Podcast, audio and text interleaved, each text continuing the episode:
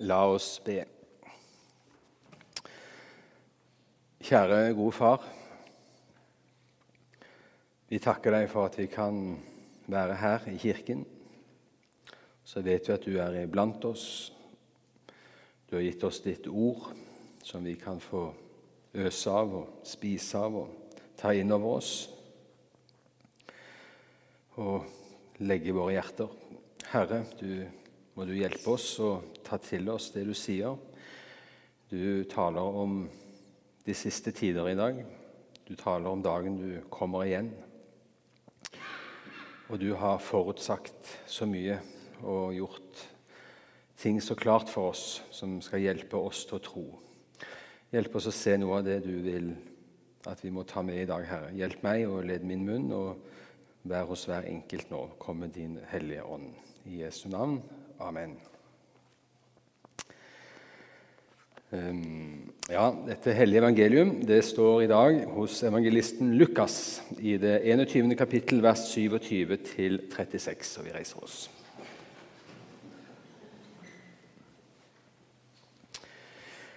Da skal de se menneskesønnen komme i skyen med stor makt og herlighet.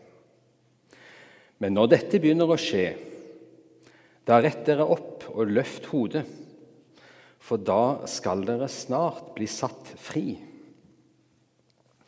Han fortalte dem en lignelse. Se på fikentreet og alle andre trær. Når dere ser at de springer ut, så vet dere av dere selv at nå er sommeren nær. Og slik skal også dere vite når dere ser dette skje, at Guds rike er nær. Sannelig, jeg sier dere, denne slekten skal ikke forgå før alt dette skjer. Himmel og jord skal forgå, men mine ord skal aldri forgå. Vær på vakt, og la ikke hjertet bli sløvet av rangel og drikk og dagliglivets bekymringer, så den dagen plutselig kommer over dere som en snare. For den dagen skal komme over alle som bor over hele jorden. Våk hver tid og stund og be om å få kraft til å komme velberget fra alt det som skal hende, og bli stående for menneskesønnen. Slik lyder Herrens ord. Vær så god.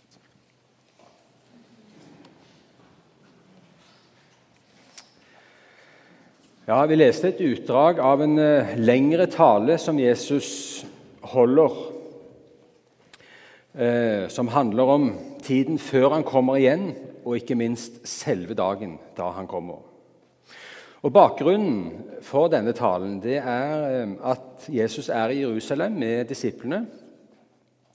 Og Så står det at disiplene ser på tempelet, de er fascinert og beundrer dette praktbygget som har vært bygget på i over 50 år, og som på Jesu tid fortsatt ikke var ferdig, faktisk. Eh, kong Herodes den store hadde satt i gang i år 19 før Kristus. Han rev ned det gamle tempelet som de bygde opp etter de kom tilbake fra Babylon. Det var ikke fint nok, så de skulle bygge et enda flottere. Så Han satte i gang med det, og det var jo kommet langt på Jesu tid. Men det var faktisk først i år 64 at det sto helt ferdig. Seks år faktisk før det ble jevnet med jorden av romerne i, 19, nei, i år 70. Det er ganske utrolig. Men Jesus forutsier alt dette til disiplene. Tempelet kommer til å bli revet. Det blir ikke stein tilbake på steinsida, til deres store forundring. Og Da er det de spør Jesus jaha, når skal dette skje. Og hva er tegnet på ditt komme, eh, spør de om i Matteusevangeliet og verdens ende. Og Jesus taler da til dem og så forteller han hvordan tidene vil bli, både i nær fremtid for Israel, men også mer generelt hvordan tiden kommer til å være i kirkens tid. Um, og Det kommer til å være krig og hungersnød, naturkatastrofer, pest og jordskjelv og falske Messiaser og lærere, sier Jesus. Men så er det særlig mot slutten at alt dette skal tilta veldig. Det er jo slik at Fra Jesu tid, da han var her, så er den siste tid Apostelen Johannes sier i sitt brev at 'mine barn, nå er det den siste tid', sier han. Og Det sier også vi i dag. Det er den siste tid. Men så har Jesus gitt oss helt bestemte tegn som vi skal kunne se, som skal hjelpe oss til å forstå at nå nærmer tiden seg for at han kommer igjen. Jesus nevnte jo fikentreet i teksten i dag og sa 'se på fikentreet og alle andre trær'. Når dere ser at de springer ut, så vet dere av dere selv at nå er sommeren her. Og Slik skal også dere vite når dere ser dette skje, at Guds rike er nær.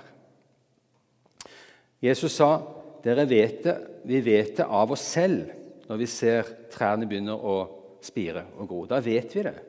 Skjønner du umiddelbart. Sommeren er nær.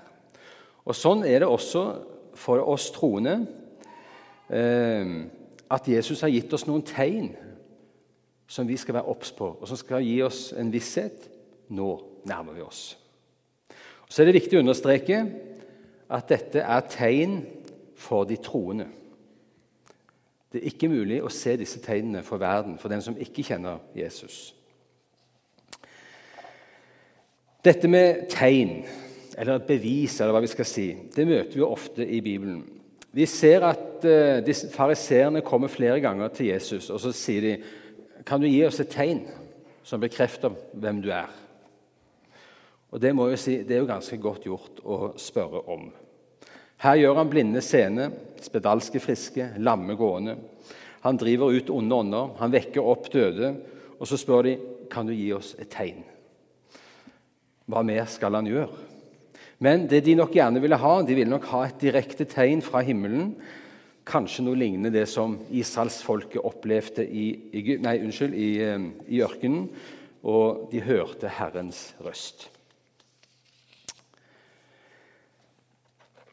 Eh, så Dette med tegn det møter vi også i Det gamle testamentet. Jeg vet ikke hvor mange som husker historien, men Det er en historie i 2. kongebok 16.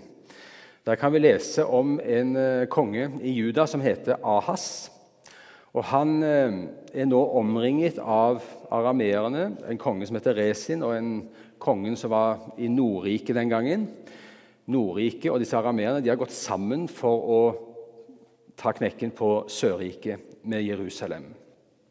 Og Da sender Gud Jesaja av gårde, og så sier Herren til denne kongen, til tross for at han var en utrolig gudløs konge Han levde jo ikke med Gud i det hele tatt, men likevel. Han sitter på Davids trone, og Gud beskytter han oppi alt dette. Så sier han du kan be om et tegn.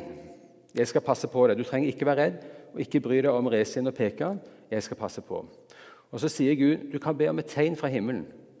Eller du kan hva som helst. Du kan uh, søke det til himmelen eller i dødsriket. Han kunne med andre ord bedt om å få se døde oppstå.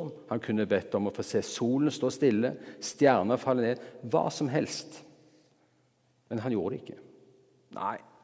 Han var hyklersk og sa nei, jeg skal ikke sette Herren på prøve. Men da sier Gud til han OK, du plager og tretter med Gud og vil ikke be om det jeg har sagt du kan få. Greit, da skal jeg gi deg et tegn, sier, Jesus, eller sier Herren. Og så sier han en jomfru skal bli med barn, eller en ung pike, og han skal hete Immanuel. Så gir Gud dette tegnet, denne profetien om Jesus, dette lille barnet. Vi vet at uh, i den gamle oversettelsen Septuaginta, som jo kom lenge før Jesus, der ble det oversatt med jomfru, så det var en klar forståelse av at det var en ung jente, en jomfru, som skulle bli med barn. Så Gud gir dette tegnet på, til, eh, profet, til kongen den gangen. Med andre ord Jesus er det tegn Gud har gitt oss over alle tegn på at vi kan stole på Gud. Vi kan ikke be om et større tegn enn at Jesus har kommet. Han er det største tegnet av alle. Beviset på Guds nåde, på Guds trofasthet, på Guds pålitelighet, ja, det er det største uttrykk for Guds kjærlighet til oss. Og så skal vi høre i dag også i de siste tider gir Gud synlige tegn som vi skal kunne se etter. Det er en liten historie jeg vet ikke om noen har hørt den, eh, det er vel egentlig en vits om eh, Sherlock Holmes og hans venn Watson, som er på camping. Og så har de delt en flaske vin og lagt seg til å sove. og Så vekker Sherlock Holmes sin venn Watson, og så spør han Watson du, eh, hva ser du nå. Og Da slår han øynene opp og ser opp i, ut på himmelen, og så sier han astronomisk så ser jeg millioner av stjerner og galakser. Teologisk så vitner dette om Guds allmektighet. Han er ufattelig, og hvor små vi er i forhold til han.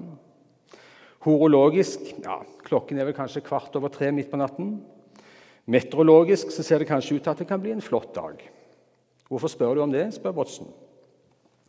Så blir Sherlock litt stille, og så bryter han ut.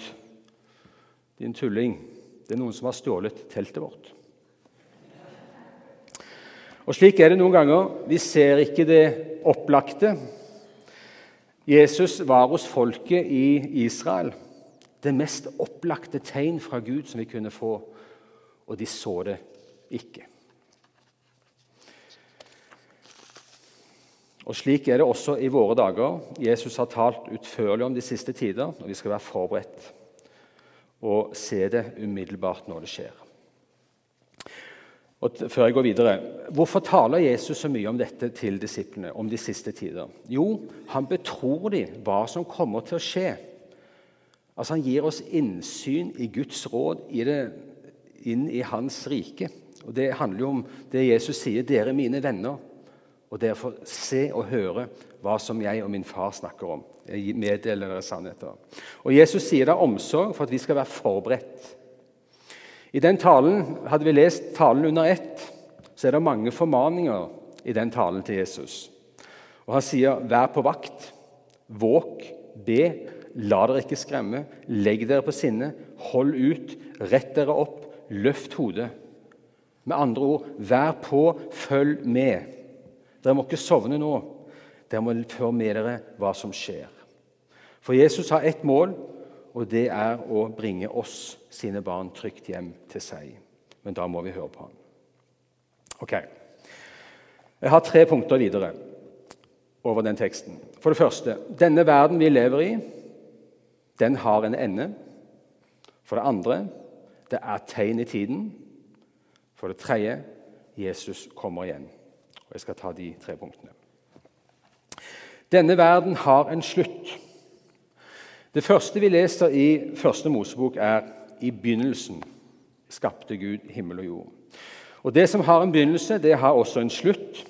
Evigheten har ingen begynnelse, den har ingen slutt. Men den skapte verden vi lever i, den hadde, har en begynnelse og en slutt. Og Vi hørte Jesus også si i dag denne slekten skal ikke få gå før alt dette skjer. Himmel og jord skal få gå, men mine ord skal aldri få gå. Verden som vi lever i i dag, den har en meget begrenset tid. Den har en siste dag. Og Det kan vi se også når Jesus er sammen med sine venner, f.eks. Martha og Maria. Når Jesus kommer dit, og Lasarus er død, så sier Jesus at Lasarus skal stå opp. Og Da svarer Martha ja, jeg vet jo det. Han har jo ligget død fire dager i graven. Men så sier hun ja, jeg vet han skal stå opp på den siste dag, svarer Martha. Så de som var rundt Jesus og trodde på han, de var fullt innforstått med den tiden de hadde der nå. Det var en begrenset tid. Paulus sier i Romerbrevet kapittel 8 det skapte skal bli frigjort fra slaveriet under forgjengeligheten og få den friheten som Guds barn skal eie i herligheten. Der var det mange vanskelige ord, kanskje. men det handler om at det skapte, denne verden, skal bli frigjort. Det går til grunne, det brytes ned. Det er under det som Skriften kaller forgjengeligheten. Og så skal det få den friheten som Guds barn, sier han. Så alt skal bli nytt og fullkomment på samme måte som vi. Det kommer litt tilbake til etter hvert. Men poenget er at det skapte er under et slaveri. Og det er jo syndens forbannelse som vi hører om skjer på syndefallets dag. Og Det er jo noe vi alle erfarer, spesielt når vi har fått noen år på nakken. Og Jeg blir minnet om det hver dag når jeg med, ser meg i speilet. Og som min fru sa her om dagen, du er ikke ferskvare lenger. Alder og tyngdekraft virker som det alltid har gjort. Vi vokser opp og blir til et visst punkt sterkere, og så snur det, og så brytes alt ned. Og så er Bibelen faktisk tydelig på at dette gjelder jo ikke bare oss. Det gjelder ikke bare dyr og mennesker, men faktisk hele skaperverket. Hele universet. Det kommer til et punkt der også skaperverket bryter sammen. Og Det kan faktisk se ut som at fra, ut ifra hva det Jesus sier, og ikke minst apostelen Peter, at dette skjer i det øyeblikket når Jesus kommer igjen. Jesus sier at mennesker skal få gå av redsel og gru for det som kommer over jorden. For himmelrommets krefter skal rokkes. Altså, Idet han kommer, så er alt fullstendig i, i, ja, Jeg vet ikke hva som kommer til å skje, men det, det blir noe voldsomme greier. Så skal menneskesønnen komme igjen, sier han. Og så sier Peter, og legg merke til det Men Herrens dag skal komme som en tyv, og da, når han kommer, altså, skal himmelen få gå med et rungende drønn. Elementene skal komme i brann og bli fortært. Når Jesus kommer, så forgår himmel og jord med et drønn, sier Peter. Det er noen enorme beskrivelser, apokalyptiske beskrivelser som kan jo gjøre oss en smule urolig. Men Jesus sier jo dette for at vi skal være forberedt på det som kommer. Det skjer etter hans råd. Det er en plan etter, han, en, etter hans plan. Det er oppfyllelse av hans ord. Det er ikke det at det er noe som er ute av kontroll. Nei, det er Gud som styrer. Så denne verden den har en ende. Det er en siste dag.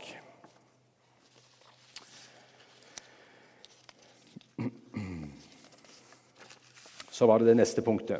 Det vil være tegn i tiden.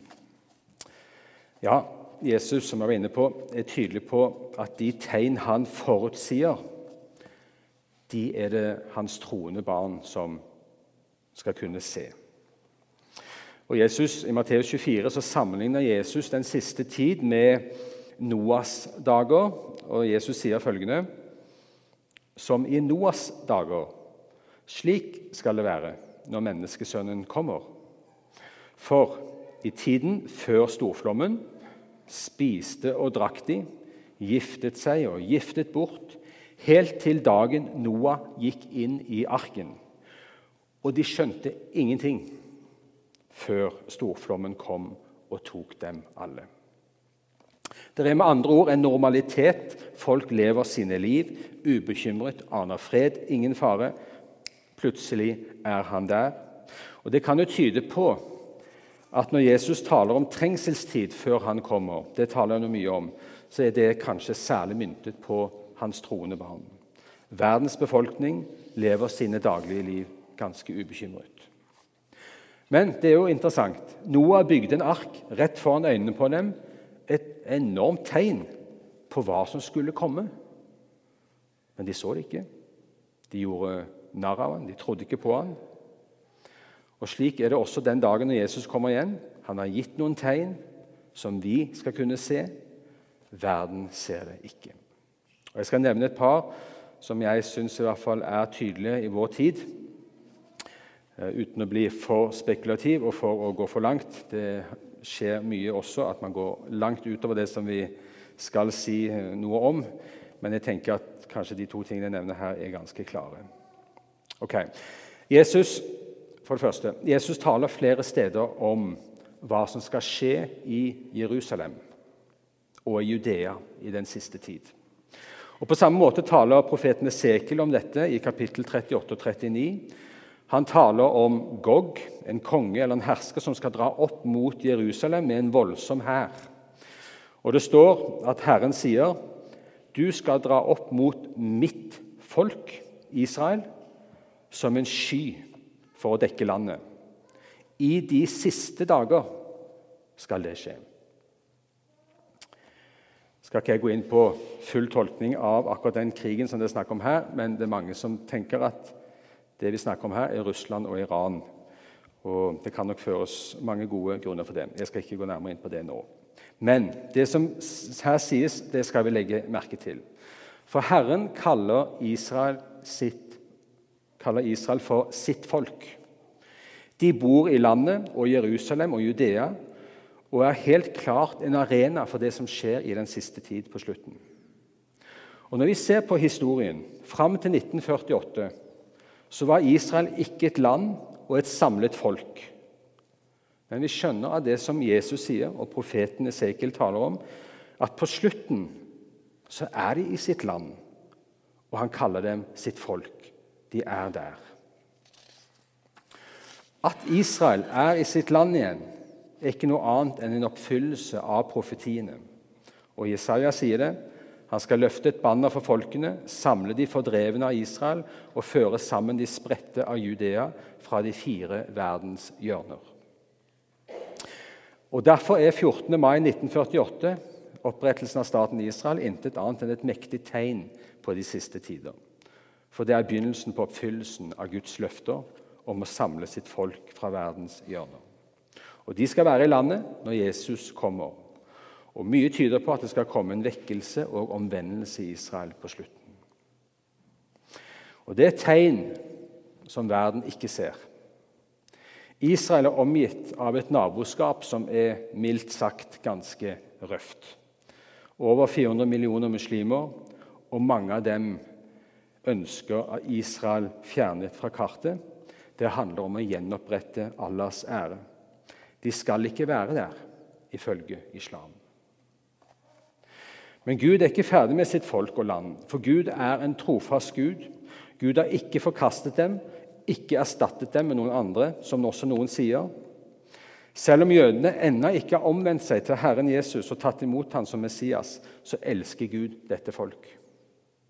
De er fortsatt Guds øyensten som for øvrig er et sterkt bilde på verdien for dette folk og hva de er for Gud.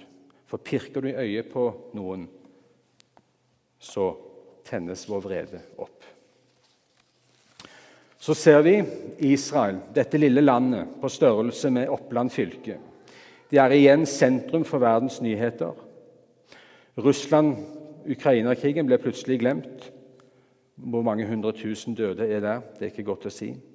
Antisemittismen har eksplodert. Vi hører en retorikk mot Israel og jøder som vekker minner til andre verdenskrig.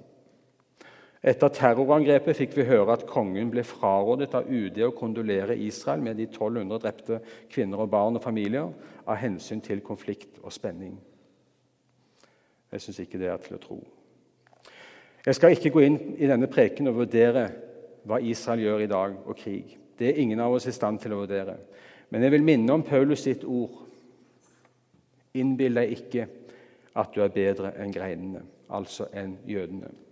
Og Det ser vi i altfor stor grad skje i dag. De fleste synes i vår tid å vite bedre og være bedre enn dette folk. Dommen hører Gud til. Vi skal alle frem for Han med våre gjerninger. Men vi skylder å elske dette folk. For uten dem hadde ikke vi vært her i dag. Paulus' sin kjærlighet til folket sitt er et forbilde for oss. Ja, han sier han kunne være villig til å bli forkastet fra Kristus hvis det kunne reddet hans eget folk. Det er den kjærligheten vi er kalt til å elske dem med. Et annet tegn, to, som vi også vil nevne, er det som Paulus taler om i 2. Tessalonikerbrev 2. For der taler Paulus om frafall og lovløshet. Han sier frafallet må komme. Og Når det snakkes om frafall, så betyr jo det at da er det noe som har vært kjent, men som man så forkaster igjen. Man har eid noe, levd med Gud, hatt ordet, vendt seg bort fra det. Og Det ser vi dessverre i vår tid, i Skandinavia, Europa, USA. Fra å være kristne kontinenter ser vi i dag hvordan det blir vanskeligere og vanskeligere å stå frem og holde fast på Guds ord. Ja, I Finland har vi til og med en rettssak der et parlamentsmedlem har vært tydelig på sitt syn om det kristne ekteskap. Hun sitter anklaget i retten for hatefulle ytringer. Hun kommer for øvrig på For oss-konferansen nå i januar. På få tiår har åndsklimaet endret seg i landet vårt. Det vokser opp en generasjon som ikke kjenner Guds ord og gjerninger.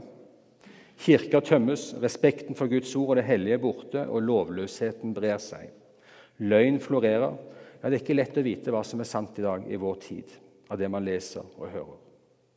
Men ikke minst i forkynnelsen og det som læres. For Jesus sier i Markus 13 mange, sier han, mange skal komme i mitt navn og si at det er jeg. Og de skal villede mange. De kommer i hans navn og gir seg ut um, for å være i hans sted. Og Det ser vi i vår tid. hvordan altså Det som kjennetegnet Messias, var jo at han sa, eller hva Jesus sa dere har hørt det er sagt, men jeg sier dere. Og Det ser vi jo skje i vår tid. Det står i Skriften, men man lærer noe annet. Og Det er mange falske lærere og profeter i vår tid som setter Hans ord til side. Og Man gjør som i det gamle Israel. Man gjør det onde godt og det gode ondt. Man gjør løgn til sannhet og sannhet til løgn. Mørke til lys, lys til mørke. Og Det alvorlige i våre dager er at det knapt lenger tales om at vi trenger å omvende oss fra våre synder. Ja, Profeten Jesaja forteller at Gud tålte ikke folket når de kom til gudstjeneste. For de levde ett liv på gudstjeneste og et annet liv der ute. De levde et hyklersk liv. Og Derfor sa Jesus i dag, 'Vær på vakt'. La ikke hjertet bli sløvet, sier Jesus av rangel og drikk og dagliglivets bekymringer, så den dagen plutselig kommer over dere som en snare. Ja, Vi er ikke på slutten ennå, tror jeg, men jeg er overbevist om at vi er kommet langt, og jeg tror det kan gå raskt. Det er ikke uten grunn at Jesus sammenligner den siste tid med en fødsel. Det er rier og veer. Plutselig er det i gang. Da er det smertefullt. Da er det trengsel og så er enden der. Ja, det ble litt mye alvor her nå. Nå må vi ha noe oppløftende ord. For når Jesus kommer igjen, da blir det fantastisk.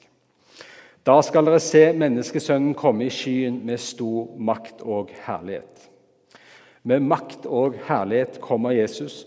Ja, Det står et sted han skal komme på sin trone med alle sine engler. Det blir kolossalt. I åpenbaringen står det om himmelen som skal åpne seg og dele seg, så det kan se ut som at vi skal få se rett opp i himmelen og se ham. Den levende Guds sønn, som var her i en tjeners skikkelse Man kunne ikke se hans guddommelighet da.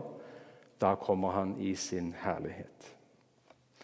Det er en alvorsdag, for den dagen blir menneskeheten delt i to. Noen blir med Jesus, noen blir vist bort fra ham for all tid. Men vi skal se fram mot den dagen. Og Det har Jesus sagt uttrykkelig. For oss er det en gledens dag. Og det som skjer med oss den dagen, ja, det er ganske utrolig. Hvis dere la merke til når Johannes leste fra 1. Korinterne 15 her i stad, så sier Paulus følgende.: Se, jeg sier dere en hemmelighet. Vi skal ikke sovne inn, men vi skal alle forvandles brått på et øyeblikk ved det siste basunstøt. Vi forvandles idet Jesus kommer igjen. På et øyeblikk så blir vi lik Han.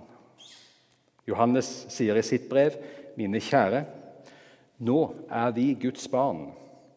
Og Det er ikke åpenbart ennå hva vi skal bli. Altså, Vi ser ikke nå hva vi skal bli. Men, sier han, når Han åpenbarer seg, så skal vi bli lik ham, for vi skal se ham som han er. Vi skal bli lik Jesus. Jesus kalles førstegrøden. Han er den første avlingen som sto opp. Neste avling blir lik som første, med andre ord oss. Jeg vet ikke hvor mange av dere som gleder dere til denne dagen. Jeg har ofte hørt kristne søsken si at det er det er vanskelig dette her å glede seg. Dette livet er jo så godt. Så er det så mye som er uklart. Man kan jo få inntrykk av at noen er også nærmest redd for at man skal kjede seg i himmelen. Skal vi sitte på disse skyene og spille på harpe, eller hva er det for noe? Men jeg tror vi må våkne opp litt. For Bibelen taler jo om fullkommen glede. Og skal, Jesus sier jo i åpenbaringen jeg skaper Jerusalem om til fryd og folket til glede, sier han. Altså kommer til å overgå alt hva vi har opplevd i dette livet. Vi har noen leie ting i min familie om dagen. Både min gamle mor, men også min nevø på 26 år ligger på det siste og har noen uker igjen. Men det er en klar glede og forventning. Og min nevø sendte meg en melding her om dagen på mobilen og så spurte han du, kan ikke du sende meg noen bibelsteder som handler om himmelen. Han ser fram mot det og venter, selv om han er ung og egentlig hadde livet foran seg. Vi hører også Paulus. Han sier jeg har mest lyst til å bryte opp, men jeg vet jo at jeg fortsatt har en jobb og gjerning å gjøre her. Hvis du ikke kjenner på lengsel etter det, så vil jeg si be om det. Be om å få det. Les Bibelen, grunn og mediter over de stedene som handler om det. For ordet er levende, det vokser. Og Det handler om at håpet skal være levende hos oss. Å ha et levende håp og lengsel og glede i hjertet etter å se Jesus igjen. Og bli fridd ut av denne verden. Det var jo det Jesus sa i dag. Da skal dere bli fridd ut. Skal vi se hvordan han sa det. Ops. For da skal dere snart bli satt fri. Altså det, det handler om å bli satt fri den dagen Jesus kommer. Så er det ikke for å melde oss ut av verden at vi skal glede oss til det, men det er for å ha det virkelige lys over våre liv. Ok. Avslutter med Jesus sitt ord. Når dette begynner å skje, da rett dere opp. Løft hodet, for da skal dere snart bli satt fri. Amen.